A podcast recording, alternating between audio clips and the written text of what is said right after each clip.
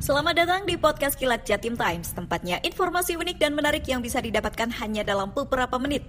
Terkait dugaan kasus korupsi di Pemkot Batu tahun 2011-2017, beberapa saksi telah diperiksa di Polres Batu.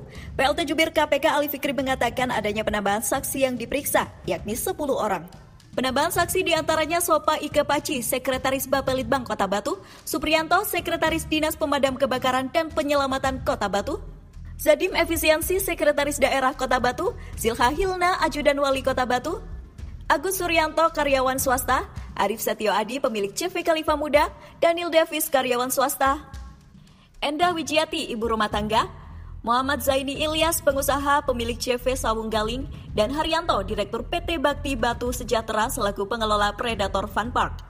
Dikatakan Ali Fikri, para saksi kembali dilakukan penyitaan barang bukti yang telah mendapatkan izin dewas, di antaranya berbagai dokumen yang masih terkait dengan perkara ini.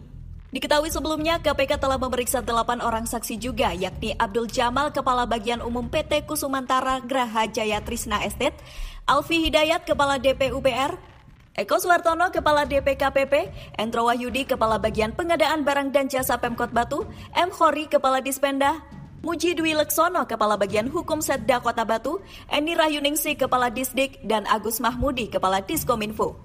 Sementara itu KPK sejak pukul 10 hingga 11 Rabu 10 Februari 2021 telah kembali melakukan pemeriksaan di Polres Batu.